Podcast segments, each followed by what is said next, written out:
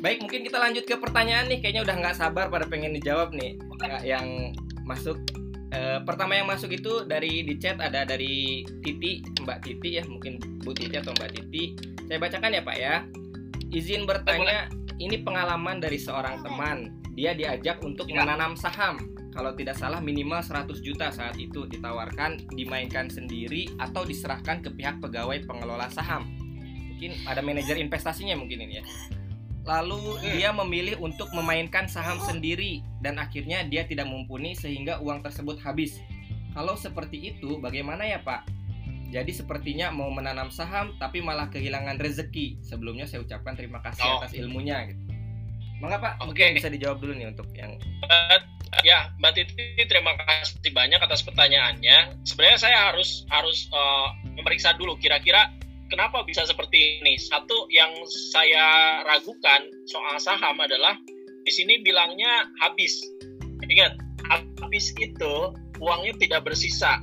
Nah, kemungkinan besar kalau habis gini, kata kuncinya sebenarnya bukan saham, tapi forex atau komoditas. Kenapa? Kalau saham itu, saham itu limitless.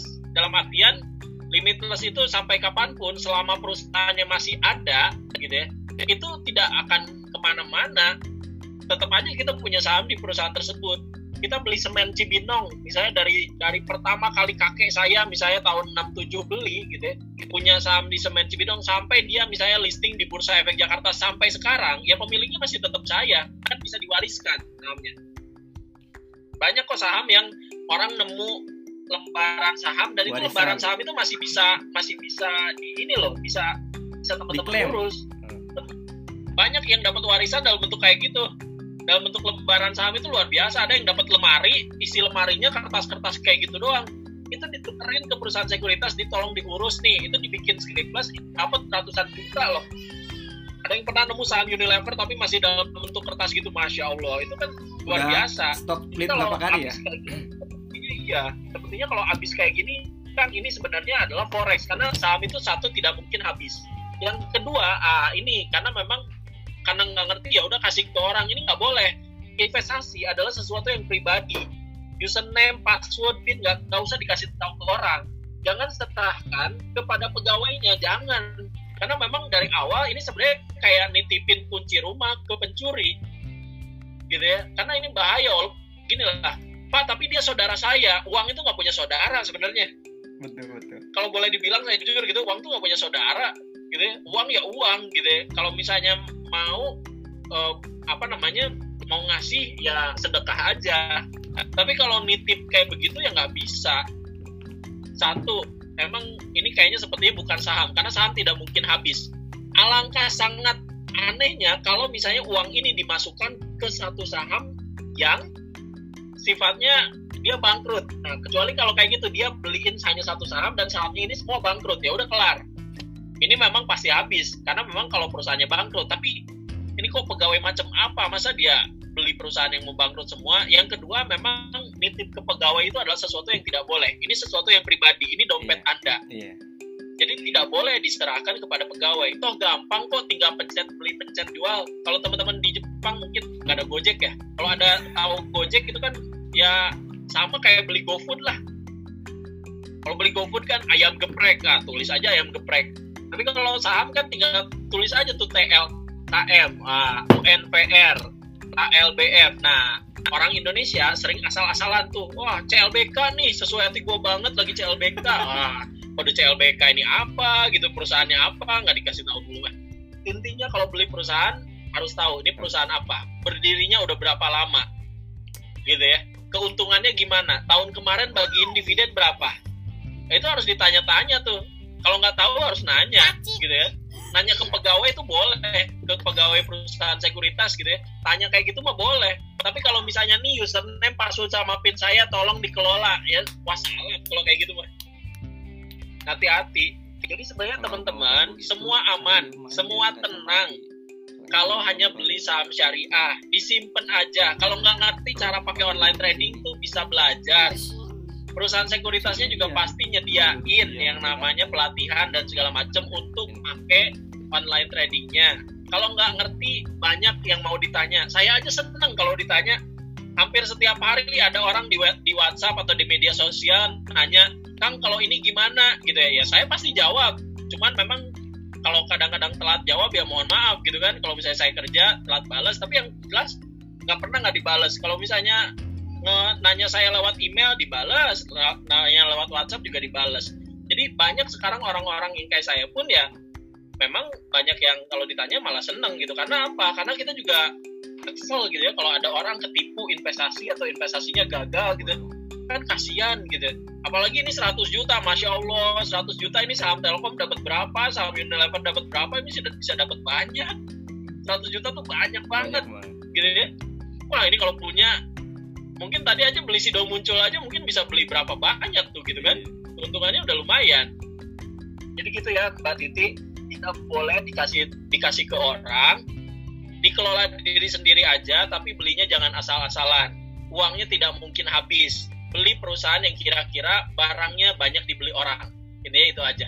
Insya Allah aman. Jangan kasih tahu username password sama pin atau nanti kalau ada pakai kode OTP gitu ya kayak Gojek kode OTP ada SMS muncul kode 4857 misalnya itu jangan dikasih tahu ke orang juga. Mau pegawainya yang nanya Presiden Jokowi yang nanya jangan dikasih tahu ke orang.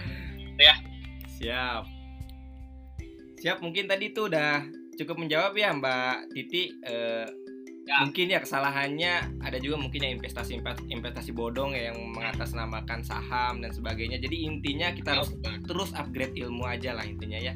Terus kita cari tahu sekarang sekarang ini kan sosial media itu udah memberikan input yang banyak ya Pak ya tentang ya, saham betul. juga. Jadi eh, rajin-rajin untuk terus-terus buka-buka ini mungkin ya karena ini Betul. ya ya pas baca juga kayaknya kalau memang dia benar investasi di pasar modal kayaknya nggak bakal terjadi sampai seperti itulah Betul.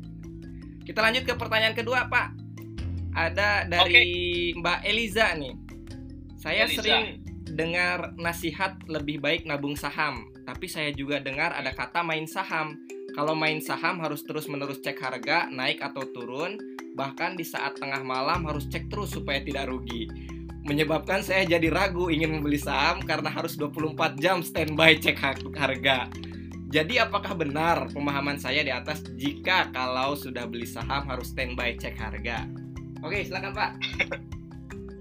Gini ya, teman-teman. Tadi saya juga sebenarnya lupa menyampaikan bahwa jam perdagangan bursa, kayaknya udah deh, menyampaikan jam perdagangan bursa itu terbatas, cuma jam 9 sampai jam 4 sore. Jadi kayaknya ini mah kalau malam-malam gini biasanya forex juga nih gitu kan karena memang kalau dan nggak ada kata main sebenarnya ini bukan main saham main, itu bahasa orang zaman dulu zaman bursa efek Jakarta BEJ gitu ya. Makanya saya sebut BEJ itu kadang-kadang apa ya bursa efek zaman dulu gitu jadul gitu. Karena memang udah zaman dulu banget kata main saham itu dipakai zaman dulu. Padahal sebenarnya bukan main-main ini. Uangnya uang asli. Jadi bukan sesuatu permainan gitu. Jadi sebenarnya teman-teman kalau ngecek 24 jam itu ngecek apaan 24 jam? Karena memang bursanya sendiri cuma jam 9 sampai jam 4 sore itu pun cuma Senin sampai Jumat. Kan banyak yang saya Pak. Ini tadi saya nggak bisa beli saham Pak. Ditolak sama sistem Pak. Tanya dulu Pak ini hari Minggu Pak. Bursanya juga libur gitu. Ya Bapak ngapain beli saham hari Minggu gitu kan? Pak ini saya juga hari Senin waktu itu saya nyoba beli saham Pak hari Senin. Hari Senin kan harusnya bisa ya Pak? Ya bisa kapan kamu belinya? Itu pas saya habis tahajud saya kepikiran buat beli saham Telkom.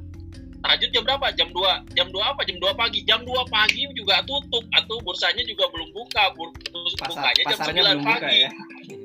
iya pasarnya itu ada jamnya dan bukan 24 jam. Pak apakah ini misalnya mungkin disederhanakan. Ada investment ada trading. Nah. investment itu jangka panjang, biasanya lebih dari satu tahun. Trading itu memang kita punya waktu, harganya naik, harganya naik kita jual, harganya turun kita beli, harganya naik lagi kita jual, jual beli, jual beli, jual beli, ada selisih-selisih harga.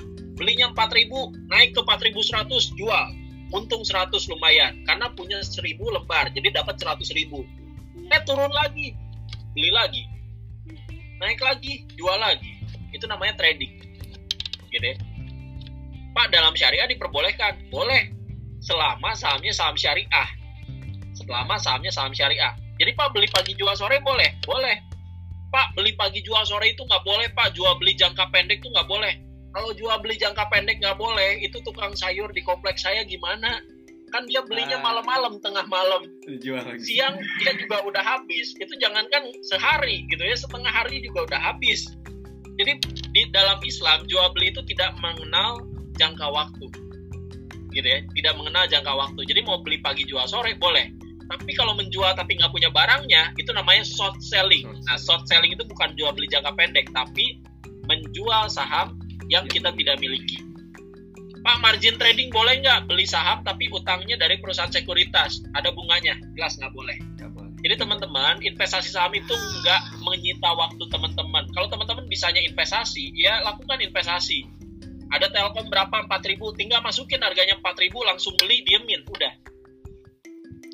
Jadi nggak usah nawar-nawar dulu ya udah nggak usah. Kalau misalnya lama itu karena kita nawar. Oh telkomnya 4000 menurut saya itu 3500 boleh nggak masukin angka 3500 boleh tapi nunggunya lama. Belum tentu juga harganya ke 3500 Iya. gitu ya.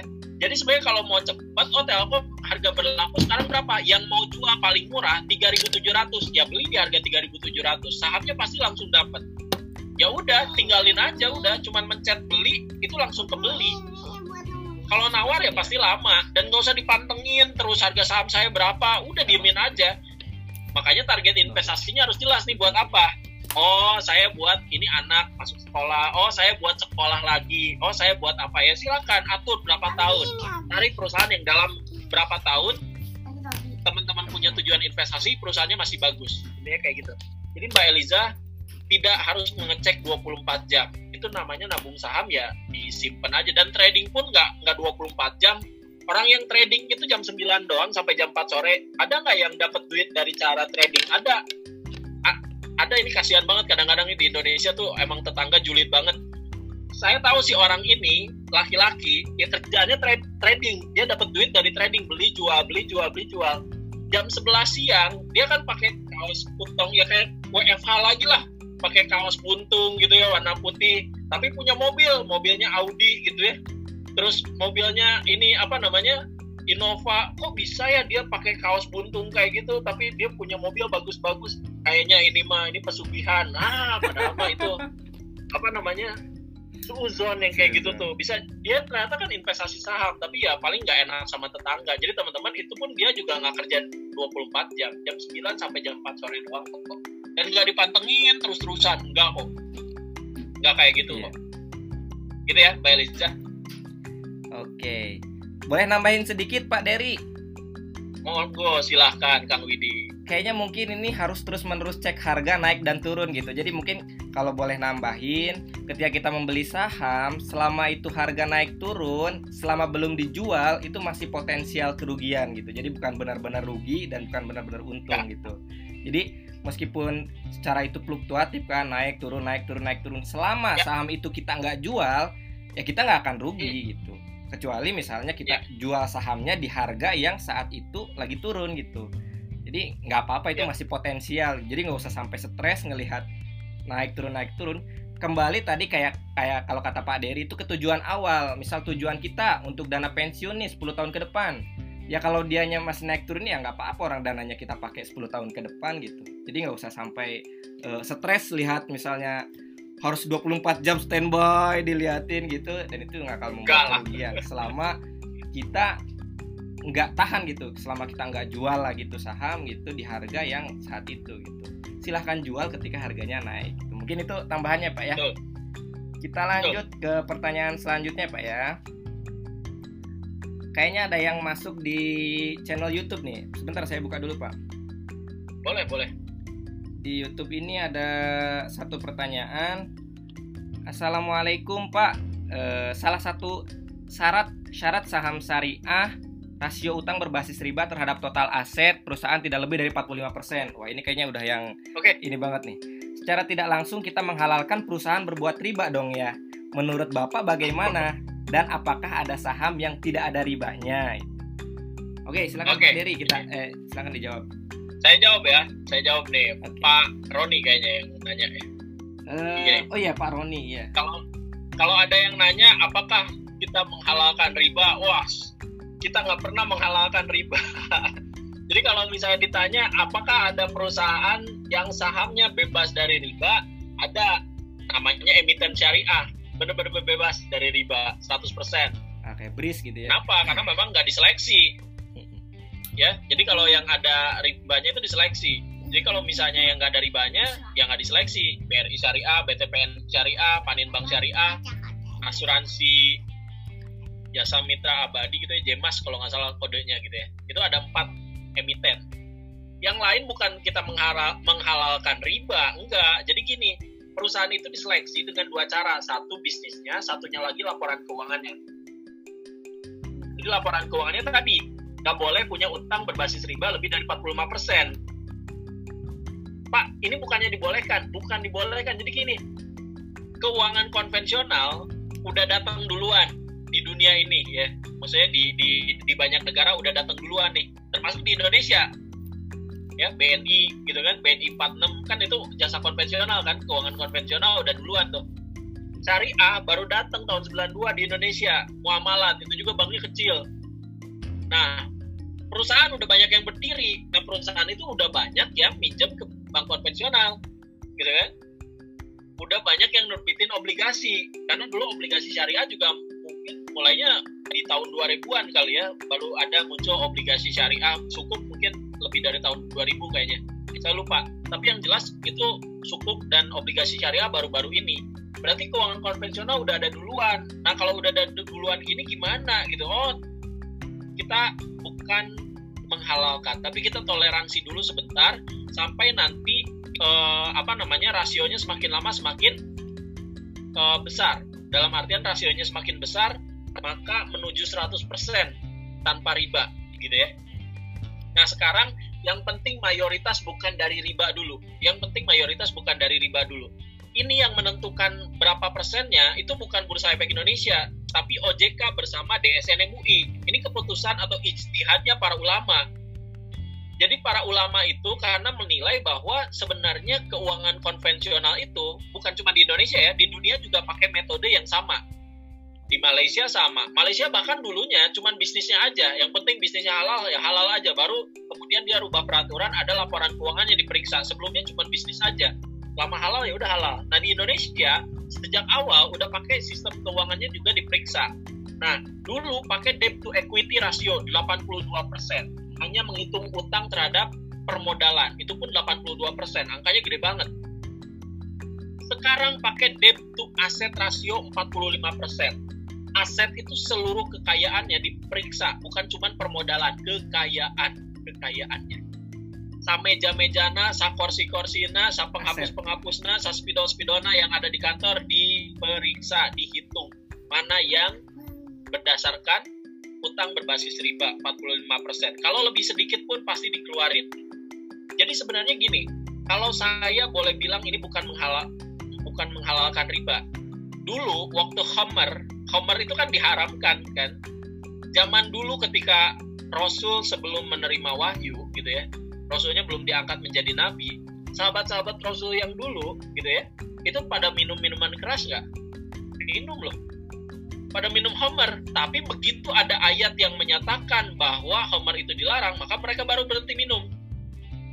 Lihat, Homer aja dilarangnya empat ayat setidaknya yang mengharamkan. Bahkan gini, ada ayat yang pertama yang kira-kira bakal ngomongin Homer, itu ayat pertama nggak ngomongin hal haram dulu menurut saya. Coba dicek teman-teman di Al-Quran surat An-Nahl 67 surat An-Nahl 67 di situ bahwa dituliskan bahwa anggur itu e, dari buah korma dan anggur kamu buat minuman yang memabukkan dan rezeki yang baik. Sesungguhnya pada yang demikian itu benar-benar terdapat tanda kekuasaan Allah bagi yang memikirkan. Ini ayat soal Homer tapi nggak disebutin bahwa dia bilang kan dari kurma adalah untuk kebaikan dan dari anggur bisa memabukkan. Tapi nggak dibilang haram ya nggak? Bahwa itu bahkan tanda-tanda kebesaran Allah bahwa Allah bisa bikin yang dari anggur aja bisa dikayak gituin. Fermentasi itu adalah kekuasaan Allah ya nggak? Nggak ngomongin halal dan haramnya dulu. Apakah kita mau bilang oh ternyata oh Al-Quran menghalalkan Homer? Kan enggak nggak bilang halal. Kita cuma ngasih tahu bahwa di Homer ini bisa memabukkan. Ayat yang kedua turun lagi. Ayat yang kedua ini Al-Baqarah 219. Mereka bertanya kepadamu tentang Homer dan judi. Katakanlah pada keduanya terdapat dosa yang besar dan beberapa manfaat bagi manusia. Tetapi dosa keduanya lebih besar daripada manfaatnya. Ini ayat yang kedua ngomongin ternyata lebih banyak mudaratnya daripada manfaatnya.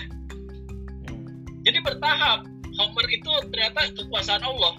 Bisa jadi Homer dari anggur itu kekuasaan Allah. Yang kedua adalah kalau orang ditanya judi dan Homer, ternyata lebih banyak mudaratnya daripada manfaatnya. Itu ayat kedua. Ayat yang ketiga, gitu ya. Ayat yang ketiga itu surat An-Nisa 43. Hai orang-orang yang beriman, janganlah kamu sholat sedang kamu dalam keadaan mabuk. Itu ayat ketiga tuh, An-Nisa 43. Gitu ya. Kemudian ayat keempat baru tegas gitu ya. Hai orang-orang yang beriman di surat Al-Maidah 90, hai orang-orang yang beriman sesungguhnya minum homer judi berhala mengundi nasib dengan panah adalah termasuk perbuatan setan. Jadi empat tahap.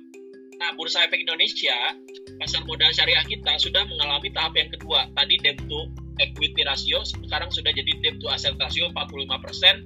Dan harapan kita, gitu ya, makin lama, gitu ya, makin lama supaya kita bisa halal 100% ya debt to asset rasionya diturunin lagi misalnya jadi 20% jadi 10% lama-lama jadi 0% kalau keuangan syariah kita sudah semakin maju kalau keuangan syariah kita sudah semakin maju. Tapi apa yang terjadi di Indonesia? Gitu ya. Bank syariah tidak syariah asuransi syariah tidak syariah pasar modal syariah cuma 45% syariah. Ah, sebenarnya nggak gitu. Di SNMU itu ada ijtihadnya gitu ya. Kalau ulama udah bilang halal ya udah halal aja. Ulama udah bilang boleh boleh aja gitu tapi pak kita nggak ikut ulama eh gimana nggak ikut ulama keputusan para ulama gimana kami Bursa Efek Indonesia cuma ngejalanin aturan dari OJK ulil amrinya hukum positifnya dan arahan para ulama dari Majelis Ulama Indonesia saya nggak percaya DSN MUI ya itu monggo gitu. tapi yang jelas Dewan Syariah Nasional itu memberikan toleransi, bukan menghalalkan, memberikan toleransi dulu. Tapi ini aturan nggak tetap. Aturan ini masih bisa berubah. Dan semakin lama, seleksinya akan semakin ketat. Semakin lama, seleksinya semakin ketat.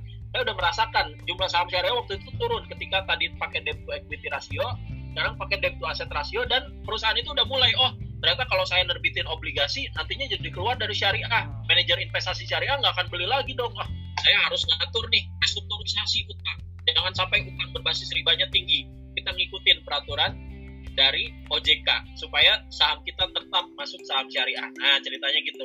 Makin lama insya Allah kalau keuangan syariah makin bagus, kita yakin akan menuju kafah. Ini di Indonesia ya, Raja Julid bener. Raja Julidnya tuh bener-bener Raja Julid di Indonesia. Deddy Corbuzier itu kan kalau lihat postingannya pernah tuh Deddy Corbuzier diposting lagi sholat pertama kali. Inilah sholat pertama kalinya Deddy Corbuzier itu di komen Instagram itu sholatnya nggak bener tuh masa takbiratul ikhram kayak gini ya Allah sahadat oke. Okay. sahadat juga baru gitu kan ngapain dinyinyirin? Kan iya. semuanya juga butuh proses bertahap. Nah ini apalagi riba di Indonesia memang udah jadi budaya. Nah makanya buat merubahnya perlahan-lahan lah gitu ya. Jadi bukan menghalalkan riba loh. Ribanya ya tetap haram tapi ya bagaimana cara kita merubahnya pelan-pelan menuju ke arah situ. Gitu ya. Siap Kang, mantap sekali. Uh, itu tadi ya. Jadi intinya ya mungkin ya kita juga harus ikut berkontribusi ya untuk uh, ikut ya. memajukan ekonomi syariah ini biar nanti bisa kafah secara keseluruhan gitu. Kalau misalnya dana yang ada di pasar modal syariah lebih besar daripada yang konven bukan nggak mungkin semuanya nah, ikut berbasis syariah. Makanya ya kita juga harus ikut turut andil di investasi ini gitu. Oke, Pak, masih kuat? malam banget soalnya di sana ya. Jam berapa ya di sana? Di sini masih oke kayaknya nih pinnya. Cuman saya gimana nih? Masih ada beberapa Lanjut pertanyaan. aja kalau saya mah bebas di sini mah masih jam setengah sembilan santai. Okay. Ini masih di Zoom sendiri masih ada 52 yang tetap ikut ini. Belum belum banyak berguguran. Kita lanjut ke pertanyaan yang berikutnya ya, Pak ya. Oke. Okay. Uh, eh, kita masuk lagi ke yang di chat private. Pak, saya benar-benar awam soal investasi saham. Kalau ingin memulai berinvestasi, step-step apa yang harus kita lakukan? Oke. Okay. Nah, penting nih kayaknya nih. Ini hmm, materinya udah saya kirim ya di chat, silakan dicek gitu ya. Materi saya udah ada di chat. Bisa di download ya? Kalau nggak ada, ah, hmm. kalau nggak ada nanti ya gampang tinggal iya. ke email atau ke WhatsApp aja bisa kalau apa step-step yang harus dilakukan? Satu eh, buka rekening di perusahaan sekuritas. Kalau ada di Jepang gimana ya? Cari buka rekening yang eh, bisa online. Gitu ya gitu. Ada 18 perusahaan sekuritas. Rata-rata kayaknya bisa online semua sih. Gitu ya. dicoba aja. Mana yang cocok ya silakan pilih. Atau minta rekomendasi dari orang yang pernah ya mangga aja. Yang kedua adalah eh, sebenarnya siapin uangnya jadi niat udah ada buka rekening ya punya uangnya gitu. Step itu yang harus dilakukan punya uangnya ny- nyediain uangnya. Pak harus beli setiap bulan? Ya beli setiap bulan lebih bagus. Tapi kalau nggak bisa ya pas ada uang aja. Misalnya dapat bonus ah beliin. Atau dapat THR ah beliin gitu. Tapi kalau misalnya nggak dipaksakan ya susah. Jadi kita kadang-kadang harus memaksa diri sendiri. Anggap aja detox gitu. Detox tubuh. Puasa juga kan puasa Ramadan tuh terpaksa gitu kan. Memang aturan Allah kayak gitu harus puasa Ramadan. Tapi kan itu buat buat tubuh bagus. Nah sama. Jadi teman-teman kalau udah investasi pasti kalau udah ngerasain manfaatnya itu kerasa sendiri kok. Dan ini sesuatu yang pribadi. Dapat uangnya bukan dengan cara ngajak orang buat berinvestasi. Ini murni dengan cara ngatur uang kita gimana caranya kita bisa hemat dan uangnya bisa dialokasikan ke aset-aset yang bagus saham-saham yang bagus. Kayak gitu aja. Paling pasti jangan pilih salah pilih saham. Kalau Ah. perlu istiqoroh dulu istiqoroh dulu lah itu lebih bagus jangan asal gitu ya Wih mantap. Oke, mungkin sedikit nambahin juga pak ini yang pengalaman biasanya Betul lah. itu ketika daftar itu biasanya tersendat kalau yang di Jepang itu nggak punya rekening di Indonesia, rekening bank di Indonesia. Karena oh pertama yang yang yang punya yang harus ada itu NPWP, KTP, sama rekening bank. Nah itu tuh biasanya yang jadi penghambat gitu. Berapa teman saya ini terhambat kalau nggak punya NPWP, ada yang nggak punya rekening bank, ada yang ini gitu. Tapi oh, kemarin itu eh, ada teman saya orang eh, Bank Syariah Mandiri itu itu bisa pure online katanya eh, untuk membuka rekening bank di ini. Mungkin nanti bisa dicoba oleh teman-teman. Untuk NPWP sendiri saya belum tahu nih bisa pure online apa enggak ya untuk bisa ini tuh membuka ini. sebenarnya NPWP itu nggak wajib Opsional ya, masih opsional ya, Pak. opsional. Hmm. Jadi mungkin kalau punya uh-uh. ada Jadi mungkin nanti teman-teman bisa dicoba siapin dulu yang paling penting itu ada KTP, ada eh, rekening bank itu ya, rekening bank kita pribadi sama ya NPWP masih opsional. Nanti bisa dicoba via eh, perusahaan eh, sekuritasnya bisa dipilih sendiri-sendiri. Gitu. Mungkin tambahan aja Pak Dery mungkin punten. boleh boleh bagus Oke. itu sebenarnya karena memang kadang-kadang buka rekening ini pusing gitu ya Iya. Pak, kok banyak banget yang harus diisi formulirnya ya memang Karena bukan investasi abal-abal ini. kalau transaksi abal-abal kan gitu kan ayo investasi Ayo, saya duitnya kasihin ke saya wah Iya. itu nggak benar tuh. Benar. Jadi kita Uang- uang- uang rekening orang kita lain ini ya ada jadi di kita di bank beli ketiga saham ya. juga pakai pakai rekening sendiri Iya betul. Ya itu biasanya yang menjadi kendala teman-teman di Jepang pak karena eh, tidak punya rekening. Meskipun kadang-kadang punya karena udah lama nggak dipakai gitu udah mati. Ya, gitu, jadi gitu. ini Iya. dorman ya Oh, oh, kita pakainya GP Post Bank kalau di sini jadinya. Aduh, iya susah juga sih nyari ATM BRI di sana gitu ya. Iya. Biasanya kendalanya sih di sana gitu. Jadi mungkin kalau untuk teman-teman Oke. perawat nih yang misalnya punya kesempatan pulang ke Indonesia misal setahun sekali, manfaatkan waktu pas pulang itu ya untuk buka rekening bank syariah, untuk misalnya mengajukan NPWP atau memperbarui KTP-nya lah supaya ke depannya kita bisa berinvestasi lebih enak gitu secara online langsung dari Jepang. Mungkin itu tambahan dari saya Pak ya. nice sharing mas keren Oke, lanjut ke pertanyaan selanjutnya ya. Kayaknya makin malam makin seru nih. Eh, kita masuk ke pertanyaan dari Kang Irfan Ryan. Nah, nanti tadi yang eh, yang tilawah ini Kang Irfan juga lagi semangat semangatnya nih untuk mulai investasi. Assalamualaikum. Eh, sharing dong Pak, alokasi gaji yang baik untuk kebutuhan dan investasi. Kira-kira berapa persen idealnya untuk investasi? Terus untuk kita yang sibuk kerja, apakah baiknya beli saham langsung atau titipin ke reksadana? Bisa dijelasin juga resiko dari keduanya. Mangga Pak, punten dijawab. Jadi sebenarnya gini eh, teman-teman, eh, kalau misalnya gaji berapa persen, balik lagi kata saya ini eh, tergantung teman-teman punyanya berapa persen. Jangan dipaksain, jangan pakai uang dapur. Kasihan, mah kenapa kenapa dari dulu ini udah seminggu kita makannya sayur asem terus itu juga banyakkan kuahnya daripada sayurnya gitu. itu kasihan atau kalau uang dapur mah jangan gitu ya. Jadi ini memang uang yang dialokasikan memang untuk masa yang akan datang, bukan uang kebutuhan sehari-hari. Terus kalau ditanya apakah masuk ke reksadana atau saham. Sebenarnya gini jadi jangan pakai kata atau gitu ya. Pak saya saham atau reksadana atau sukuk pak. Ini sukuk juga kayaknya bagus pak gitu ya. Jangan pakai kata atau tapi pakai kata dan, dan. gitu ya. Sahamnya nyimpen yang bagus-bagus punya reksadananya punya. Kenapa? Karena memang reksadana juga bukan bukan asal ongkang ongkang kaki aja ya udahlah udah diwakilin di reksadana. Enggak tapi kan harus nyari reksadana yang bagus manajer investasi yang amanah gitu. Dan memang karakteristik reksadananya sama kayak kita. Ini kayak reksadana tuh kayak kita beli rujak gitu ya. Tergantung tukang rujaknya mana yang enak mana yang enggak kita juga mesti nyari. Kalau saham kan kita kayak kita beli buah nih gitu ya. Buah anggur buah apel buah melon buah jeruk satu-satu kita liatin tingkat kematangan dan segala macamnya. Satu-satu kita perhatiin. Tapi kalau reksadana kita cari tukang rujak mana yang paling enak gitu ya. Udah, uh. udah ketemu tukang rujak paling enak kita tanya nih yang pedes cabenya berapa? Yang nggak pedes atau sedang-sedang aja cabenya berapa. Yang nggak pedes sama sekali nggak pakai cabai apa. Nah reksadana tuh ada reksadana saham reksadana pendapatan tetap reksadana campuran gitu kan? Kalau moderat ya campuran. Kalau kita masih ngerasa muda dan mau investasi jangka panjang ya reksadana saham. Yeah. kalau kita mau nyiapin pensiun reksadana pendapatan tetap. Kalau yang syariah isinya sukuk. Kalau yang nggak syariah isinya obligasi. Gitu. Kalau pak ini negara nerbitin sukuk. Boleh nggak saya beli? Ya boleh gitu kan? Kan enak lumayan dapat 6% misalnya kayak gitu kan. Setiap bulan dapatnya setengah persen.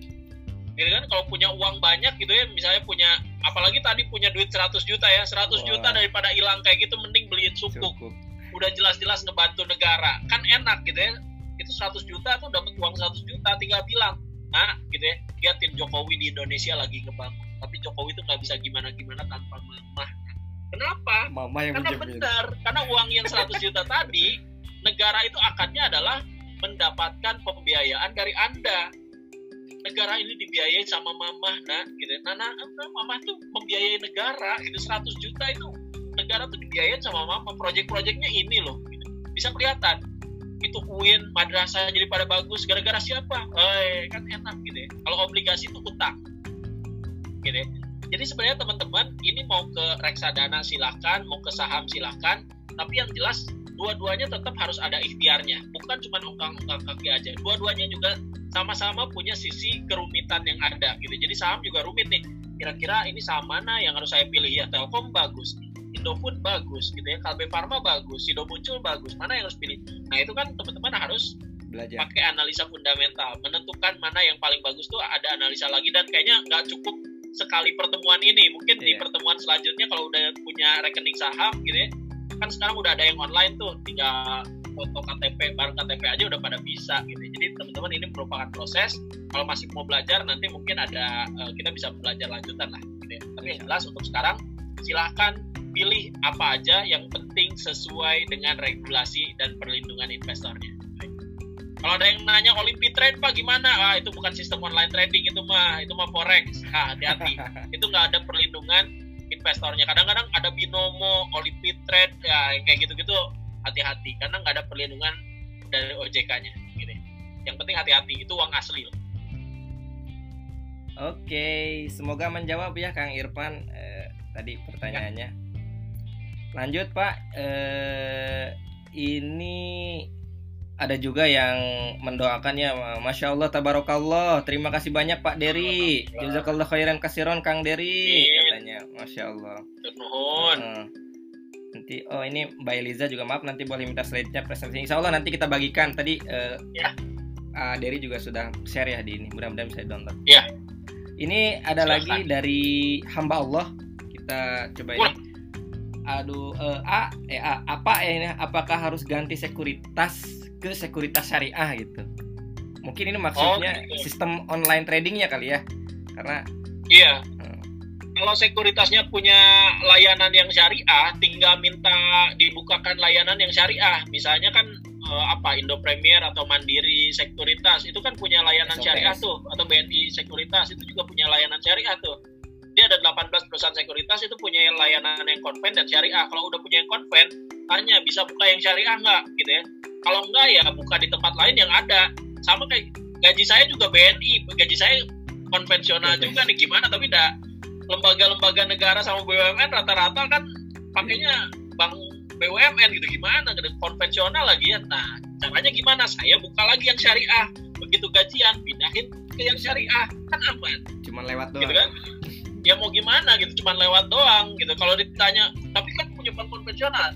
Ya kalau ada bunga ya oh ada bunga nih. Ya keluarin aja zakatnya dikeluarin atau dalam sedekah atau apa yang jelas dana saya terkumpul banyaknya misalnya di bank syariah gitu ya. jadi teman-teman kalau udah punya yang konvensional ya tinggal buka layanan yang syariahnya kalau perusahaan sekuritasnya punya lebih gampang ini paling tinggal dibukain fasilitas Iya. RDN bank syariah rekening dana nasabah bank syariah ini udah bisa kok investasi syariah pakai sistem yang online trading syariah gitu ya Oke. Kita lanjut ke pertanyaan selanjutnya dari Mas Wahid ini. Oh, tadi di atas ini Mas Wahid pengen eh, pertanyaan langsung ya mungkin tapi karena tadi banyak pertanyaan yang muncul jadi beliau sudah menyampaikan lewat tulisan. Assalamualaikum Mas Dery Yustria izin bertanya. Pada waktu harga unit saham itu turun banget nih, taruhlah sampai minus. Bagaimana kita bisa menentukan bahwa kita harus cutting loss dan top up? Harga unit saham kita itu berubah nggak pada waktu kita pembelian pertama dan waktu top up. Kalau bicara unit saham mungkin reksa ini ya eh, ke reksadana ya, ya. Silakan Pak. dan reksadana reksadana juga kalau minus nggak mungkin sampai minus Jadi minus itu lagi turun kali ya reksadananya portofolionya Mungkin lagi corona ini memang kan semua lagi terdampak kalau corona. Ya, kalau misalnya saham itu bentuknya lembar. Kalau lembaran sahamnya lagi turun, minus kayak tadi IHSG kan minus 25%. Sebutlah saham kita minus 25%. Ya sebenarnya kalau perusahaannya bagus, gitu ya, kita yakin sama perusahaannya, perusahaannya masih membagikan dividen. Misalnya ini kena, lagi kena corona nih, perusahaan ABCD ini membagikan dividen 175, gitu ya. Ini karena kena corona tapi masih bagiin dividen. Dividen. Berarti kan perusahaannya relatif masih baik-baik aja ya nggak 175 kita punya sejuta lembar udah dapat 175 juta gimana nggak orang kaya cepet kaya ya nggak makanya kalau punya uang lihat perusahaan bagus ya beli. Kecuali gini kita jual kita cut loss. Kalau misalnya kasusnya kayak apalah perusahaan yang misalnya nggak benar gitu. Misalnya eh, yang punya misalnya mau nyapres terus gagal gitu kan. Terus nggak nggak fokus lagi ngembangin Lagi. perusahaannya atau perusahaannya nggak kepegang atau misalnya bisnis perusahaannya nggak jelas gitu ya. Ya itu harus di cut loss sebenarnya kalau misalnya nggak yakin sama perusahaan ini ya udah gitu ya. Nggak yakinnya dari mana? Fakta-faktanya. Ini keuangan tuh selalu ngomongin fakta. Bisnisnya gimana ke depannya? Jadi teman-teman jangan beli bisnis yang teman-teman sendiri nggak ngerti. Teman-teman taunya misalnya di bidang kesehatan. Nah beli yang farmasi KB farmasi Domunco ya kan? Teman-teman ngertinya itu. Ya teman-teman kalau nggak ngerti tambang ya atau nggak mau belajar soal tambang ya jangan beli perusahaan tambang kan nggak nyambung gitu jaka tembung kerjaan sehari-hari misalnya di bidang kesehatan gitu ngomongin harga batu bara besok gimana? Pusing gitu kan ya udah. Untuk awal-awal ya beli aja yang sesuai dengan eh, kerjaan kita atau misalnya apa yang dekat sama kita. Misalnya di Indonesia kayaknya seneng pada beli mie instan gitu ya cari perusahaan instan. Gitu. oh seneng di Indonesia tuh kayaknya susu ultra gitu kayak anak saya misalnya minum susu ultra ya beli gitu ya. Perusahaan susu ultra. Jadi sebenarnya teman-teman cari perusahaan yang bisa sustain cari perusahaan yang baik-baik aja. Jadi kalau misalnya ketika harganya turun teman-teman nggak nggak takut gitu. Ah harganya lagi turun juga orang-orang pada panik corona. Kalau saya punya uang mending saya beli. Ini udah kejadian banyak. 2008 itu minus 58 persen. Harga saham Astra itu turun minus sampai lebih dari 30 persen balik lagi nggak harga sahamnya. Balik lagi. Kenapa? Orang tetap beli motor beli mobil. Iya betul. gitu kan? Ini saham apa namanya mie instan. Mau ada musibah kayak gimana kan yang dilempar-lemparin dari helikopter itu kan bukan Indomie. beras tapi mie instan. Iya. ya nggak?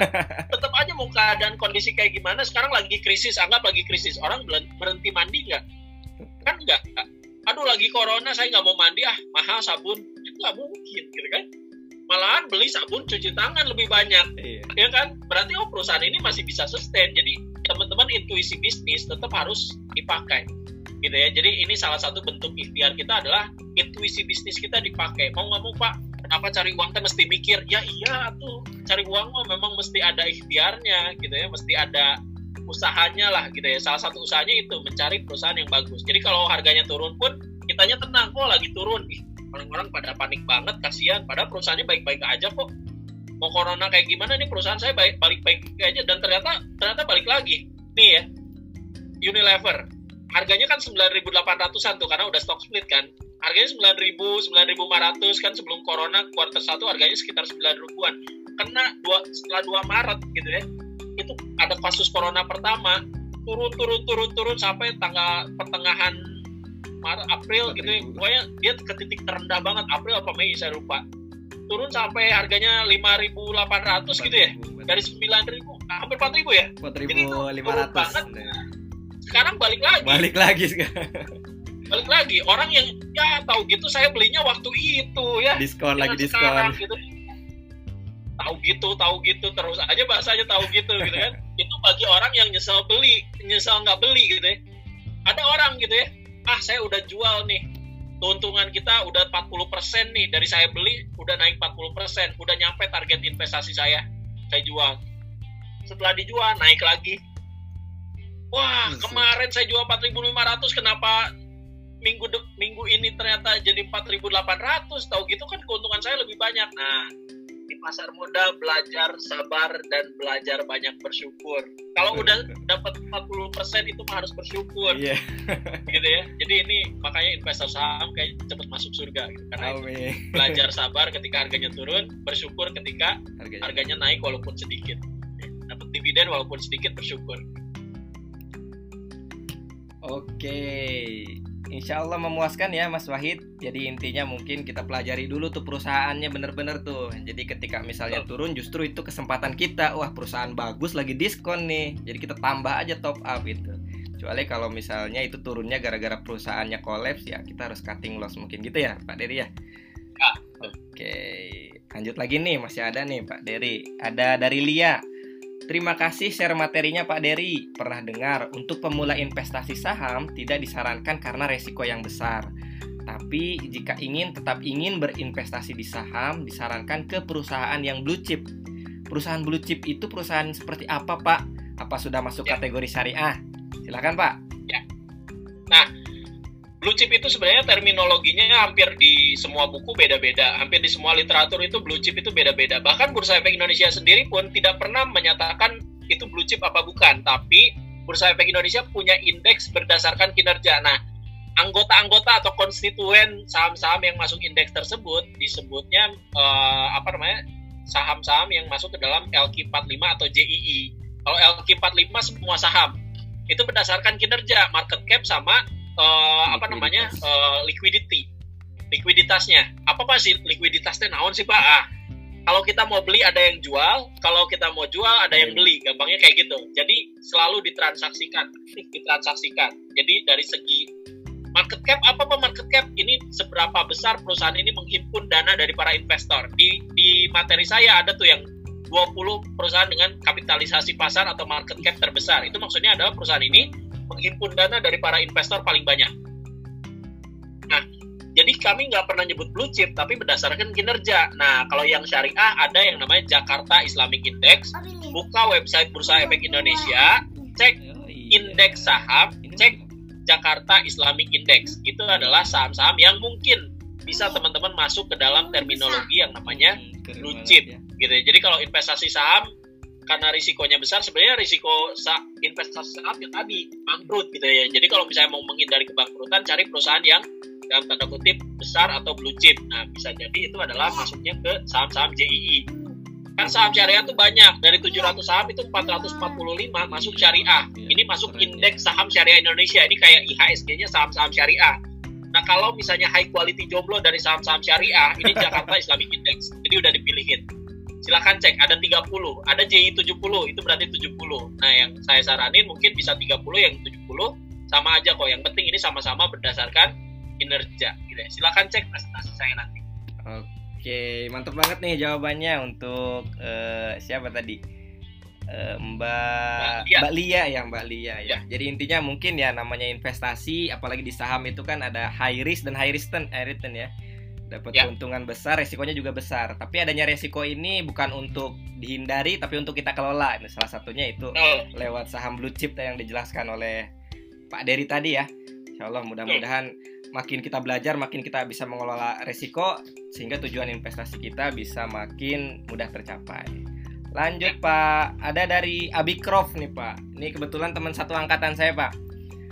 Wes, mantap. Mantap. Menurut syariah, boleh tidak kita jual dan beli trading dalam sehari?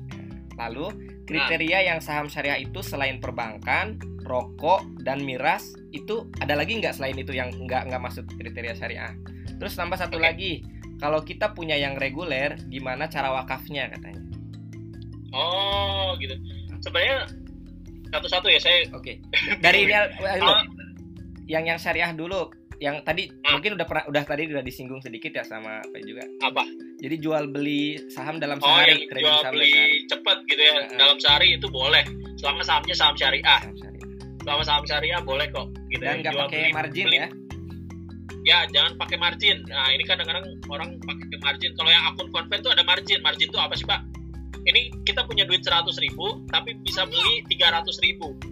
200 ribunya itu bukan dari Allah Subhanahu Wa Taala, itu pinjaman berbasis riba dari perusahaan sekuritas. Jadi nggak boleh dipakai tuh fasilitas margin. Makanya kalau di syariah nggak ada fasilitas margin, gitu ya. Jadi kalau tapi kalau beli pagi jual sore boleh nggak? ya boleh-boleh aja nggak masalah kalau udah beli di Telkom beli dan gitu, next transaksinya udah dapet nih Telkomnya boleh dijual lagi nggak ya boleh nggak apa-apa nggak masalah Gitu ya. terus yang kedua Yang kedua itu kriteria yang saham syariah itu tadi kan Oh, selain kriteria saham perbankan, rokok dan miras itu ada lagi nggak gitu? nah ada nih yang kadang-kadang abu-abu gitu. Ada satu satu perusahaan TV sempat nggak masuk saham syariah. Kenapa? Karena di laporan keuangannya diketemukan dapat duitnya dari iklan. Iklan paling banyak iklan rokok. Ah, yang abu-abu kayak gitu ternyata nggak diperbolehkan juga. Jadi sebenarnya apa pun yang berkaitan ternyata nggak masuk juga. Saya sempat apa ya lihat ikut rapat pleno penentuan daftar saham syariah itu satu satu persatu saham dibahas loh. Satu persatu saham dibahas. Jadi ini para ulama berkumpul termasuk ahli-ahli keuangan gitu dan Bursa Efek Indonesia pun diajak gitu melihat bahwa penentuan saham syariah itu rigid banget ribet banget. Tapi yang jelas untuk se- segi bisnis itu nggak bisa diotak-atik bahkan yang rada-rada meragukan pun biasanya nggak dimasukin. Contoh perusahaan kertas. Saya sempat kaget ini kan maaf ini emiten emiten kertas nih. Emiten kertas ini masalahnya di mana gitu kan? Kenapa dia dipermasalahkan untuk dimasukkan ke pleno? Ternyata emiten yang pabrik kertas ini pembelinya adalah gudang garam. Perusahaan rokok ya ternyata nggak masuk juga gitu kan? Jadi yang berkaitan pun ini nggak bisa masuk gitu. Jadi teman-teman selain bisnisnya laporan keuangannya pun diperiksa. Laporan keuangan tadi diperiksa kok gitu ya. Jadi bukan cuma bisnis. Kalau bisnis itu deh yang ber, yang agak-agak meragukan pun dihilangkan gitu ya. Di nggak mungkin masuk ke dalam daftar efek syariah. Selanjutnya adalah masalah keuangan yang tadi. Jadi jadi debt to asset rasionya diperiksa juga. Terus apa lagi ya? Tadi ada satu pertanyaan lagi kayaknya Nah itu ya kalau misalnya kita pakainya yang reguler, gimana cara wakafnya? Oh, iya. kalau wakaf itu sebenarnya kalau kita pakai akun yang reguler ini sebenarnya wakafnya masih apa ya ke BWI itu sel- diperiksa dulu sahamnya saham syariah apa bukan Ah, kalau sahamnya nggak syariah biasanya nggak diterima harus saham syariah soalnya hmm. kalau akunnya akun reguler ini masih mungkin dialihkan secara eh, apa namanya secara manual jadi ada pengalihan manual lewat kustodian sentral efek Indonesia. Jadi saham teman-teman dialihkan ke Badan Wakaf Indonesia atau dompet duafa. Ya tapi sistemnya manual. Cuman kalau yang mau otomatis pakai aplikasi itu yang syariah. Udah ada beberapa apa namanya yang bisa menyertakan wakaf dari sistem online trading syariahnya mungkin kalau ada waktu nanti ada teman saya yang bisa bahas soal wakaf saham, sedekah saham sama zakat saham Siap, lebih, lebih nanti kita detail. bikin lah. Kalau perhitungannya saya takut lupa soalnya. Oke. Lanjut nih Pak, pertanyaannya masih ada berapa nih? Eh, selanjutnya dari Kang Yusuf, ini senior kita di IPMI, founder IPMI juga nih Siap. Pak nih. Founder IPMI Jepang angkatan pertama. Saya ingin bertanya, Kang Widi dan Pak Dery simpan saham perusahaan apa atau beli saham perusahaan apa? Biar saya mengikuti jejaknya katanya. saya dulu yang jawab ya, karena Silakan. jawaban saya paling simpel nih. Saya mohon maaf, Kang, gitu. Saya nggak boleh investasi saham. Jadi saya tuh dari tadi Ya ngomongin saham tuh Allah. saya tuh nggak punya. Dari dulu saya ngerti saham itu, tapi saya nggak boleh punya karena memang sejak awal masuk bursa efek Indonesia, Oh, nggak boleh aturan ya? etika yang pertama adalah saya tidak boleh punya efek bersifat ekuitas dalam tanda kutip itu namanya saham. Jadi Pak Dery di mana? Ya paling sukuk, Sukuk. reksadana, gitu ya, emas, properti, ya apa aja lah yang bisa gitu ya. Kalau ditanya pengen nggak investasi saham, masya. Allah, saya tahu cara ngitungnya, saya tahu fundamental, saya tahu teknikal, saya tahu valuasi saham. Tapi gimana ya? Kalau ditanya punya saham apa, saya nggak punya. Tapi kalau sukuk, reksadana punya saya reksadana ada dua di Panin sama di apa namanya Eh, BNP Paribas. Dua-duanya saya beli di bank. Kalau reksadana boleh ya beli di bank di perusahaan sekuritas juga boleh tapi karena saya dari awal belinya di bank ya saya beli di bank kalau sukuk juga beli di bank syariah mandiri nanti tunggu aja ada penerbitan sukuknya yang baru sukuk sukuk retail sukuk- Agustus ya Pak ya? Insya Allah nanti Agustus kalau nggak pengen salah kita gitu. bikin kajiannya juga nih sebelum launching. Nah, boleh tuh Hmm. kalau ada waktu teman-teman uh, tim kita IDX Islamic juga ada yang ahli dalam menjelaskan soal sukuk dan Iya. bagaimana cara menghitung dan segala macamnya risiko-risiko segala macamnya. Kalau teman-teman punya waktu, kami insya Allah selalu bersedia kok. Insya Allah itu juga yang salah satu yang investasi yang aman lah ya untuk teman-teman di ini jadi tinggal ini aja gitu. Jadi Kang, mohon maaf saya nggak punya ya. Silakan Kang Widi. Aduh, ini saya belajar dari beberapa apa ya ya mentor guru-guru di YouTube gitu ya. Ini sangat masalah private banget kalau urusan rekomendasi apa saham-saham gitu mereka kadang ini karena apa? Karena berbeda ketika misalnya kita beli saham di harga segini dengan di harga jadi ketika kita misalnya ngerekomendasiin satu saham belum tentu saham saat harga di saat itu itu memang sahamnya tuh ada kemungkinan harganya lagi mahal gitu. Jadi ketika beli belum tentu untung tapi malah buntung gitu. Jadi kalau misalnya di share di publik kayak gini saya belum bisa nih Kang Yusuf. Nanti kita ngomong empat mata aja kita coba ini sama-sama lah ya. Tapi kalau mau jangka panjang, ah, kalau mau jangka panjang tinggal tanya aja ke yang udah pernah beli. Kalau saya mau jangka panjang misalnya enam tahun nggak mikirin lagi mahal atau lagi murah, ah, Hmm. itu baru paling bisa jawab secara fundamental yang paling bagus misalnya ini gitu di industri ini misalnya ini yang paling bagus di telekomunikasi misalnya apa Telkom, Indosat atau Excel Iya. gitu. tapi intinya mungkin saya bisa kasih kisi-kisinya sedikit jadi itu tadi tadi udah disinggung pertama cari saham yang blue chip tadi udah dijelaskan sama Pak Dery jadi saham-saham yang memang market capnya bagus perusahaannya udah Ya. besar terus liquid banget kita mau jual mau beli itu pasti ada barangnya gitu itu yang pertama yang pasti harus syariah yang kedua yang ada di sekitar-sekitar kita lah kayak tadi juga dijelasin kita makan indomie sampai Jepang aja yang kita cari itu kan mie instan itu gitu loh jadi kayaknya Oh gitu. sampai Jepang aja harga Indomie itu kan bisa nyampe berapa kali lipat loh Pak. Jadi tapi tetap dibeli Oh, sama gitu? orang Indonesia di sini gitu. Jadi itu- saya tiap hari bisa nih. Jadi clue lah, jadi clue gitu. Jadi clue lah untuk ini. Terus kedua yaitu ya saham yang kita gosok gigi di Indonesia pakai apa, keramas pakai apa gitu. ya. Itu juga bisa jadi Iya. clue. Terus selanjutnya mungkin tinggal dicek aja di ya kalau saham syariah di JI apa ya. Jadi Betul. biar bisa clear kita oh ini saham apakah ini syariah apa enggak gitu jangan sampai meskipun saham bagus tapi nggak syariah kan jadi nggak berkah juga buat investasi kita gitu terus yang terakhir mungkin sebaiknya kita alokasikan dana tiap bulan untuk beli saham. Misal nih gaji di Jepang udah lumayan besar tuh kan kita taruhlah alokasi dana segar untuk beli saham.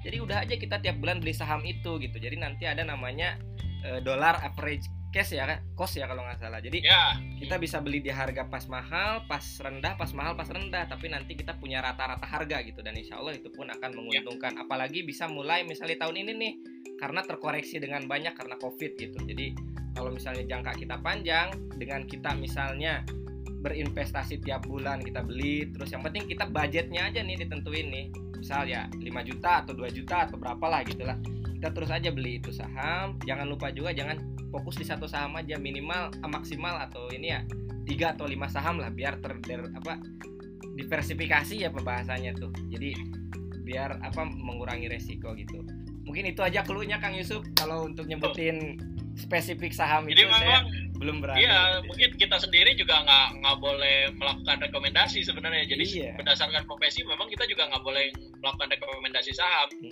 Yang saya ajarkan mungkin tadi analisa fundamental cari perusahaan yang baik dan benar itu ya kayak gitu dan carilah perusahaan yang sebenarnya teman-teman ngerasa klop juga gitu kan pasti walaupun bagaimana teman-teman juga punya preferensi tersendiri mau mau di industri apa beli sahamnya gitu ya jadi kalau misalnya rekomendasi mungkin boleh dengerin tapi sebenarnya balik lagi teman-teman yang Keputusan ada di kita masing-masing. Ya. Terima kasih Pak Dery, Kang Widi, isinya. ya Ya, nanti lewat inilah lewat Japri di belakang layar. Di belakang layar. Kosnya mahal itu. Kalau itu Oke, kita lanjut ke pertanyaan selanjutnya, Pak. Dari ada dari M Nabila nih. Selamat malam. Saya Bila izin bertanya, sangat terkesan sekali dengan penjelasan Bapak Dery sebagai penanam modal saham syariah, terutama saran membersihkan laba yang didapat melalui sedekah.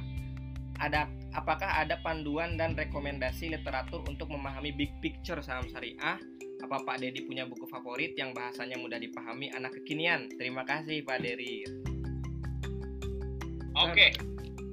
Sebenarnya ebook saya ada beberapa, tapi sebenarnya kalau ngomongin pasar modal syariah di Indonesia mungkin masih sedikit ya apa namanya bahasan tentang pasar modal syariah. Tapi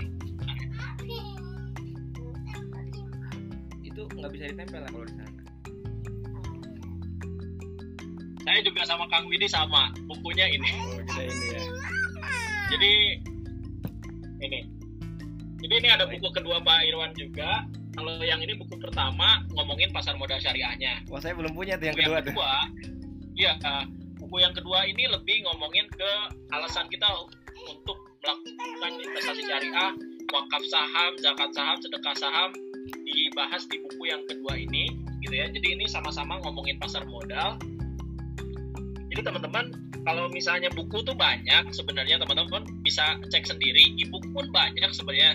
Literatur pun kalau teman-teman mau belajar uh, teknik fundamental misalnya itu saya bacanya Benjamin Graham gitu ya The Intelligent Investor. Ini bahasa Inggris. Kadang-kadang bahasanya juga rada liar gitu. Saya juga harus pakai Google Translate. Kadang-kadang ada kalimatnya yang pusing ya. Tapi tet- tetap teman-teman ya ya usaha aja untuk baca gitu. Tapi yang jelas kalau ngomongin big picture-nya saham syariah saya kira buku ini udah paling udah paling bagus lah menurut saya untuk menjelasin saya tahu pasar modal syariah dari Pak Irwan. Selama saya diajarin Pak Irwan, ya ternyata apa yang diajarin ternyata ada di buku ini. Jadi sebenarnya teman-teman tinggal baca bukunya, insya Allah ngerti. Kalau misalnya mau nanya, Pak Irwan gampang kok ditanya lewat Instagram atau nanti mungkin kapan-kapan boleh undang Pak Irwan juga Siap. mungkin ya karena Pak Irwan kan dari DSN MUI ya. Pak Irwan itu salah satu anggota Majelis Ulama Indonesia. Jadi karena beliau anggota Majelis Ulama Indonesia mungkin bisa ngasih di luar sisi bisnis ya karena memang landasan fikih yang mau dibahas itu enaknya kayaknya sama Pak Irwan. Kalau saya kan bukan gitu kan, saya mungkin dari sisi bisnis. Kalau Pak Irwan mungkin bisa bahas dari landasan fikihnya. Kalau teman-teman ada waktu nanti mungkin saya sesuaikan sama jamnya Pak Irwan juga. Siap siap. Sangat.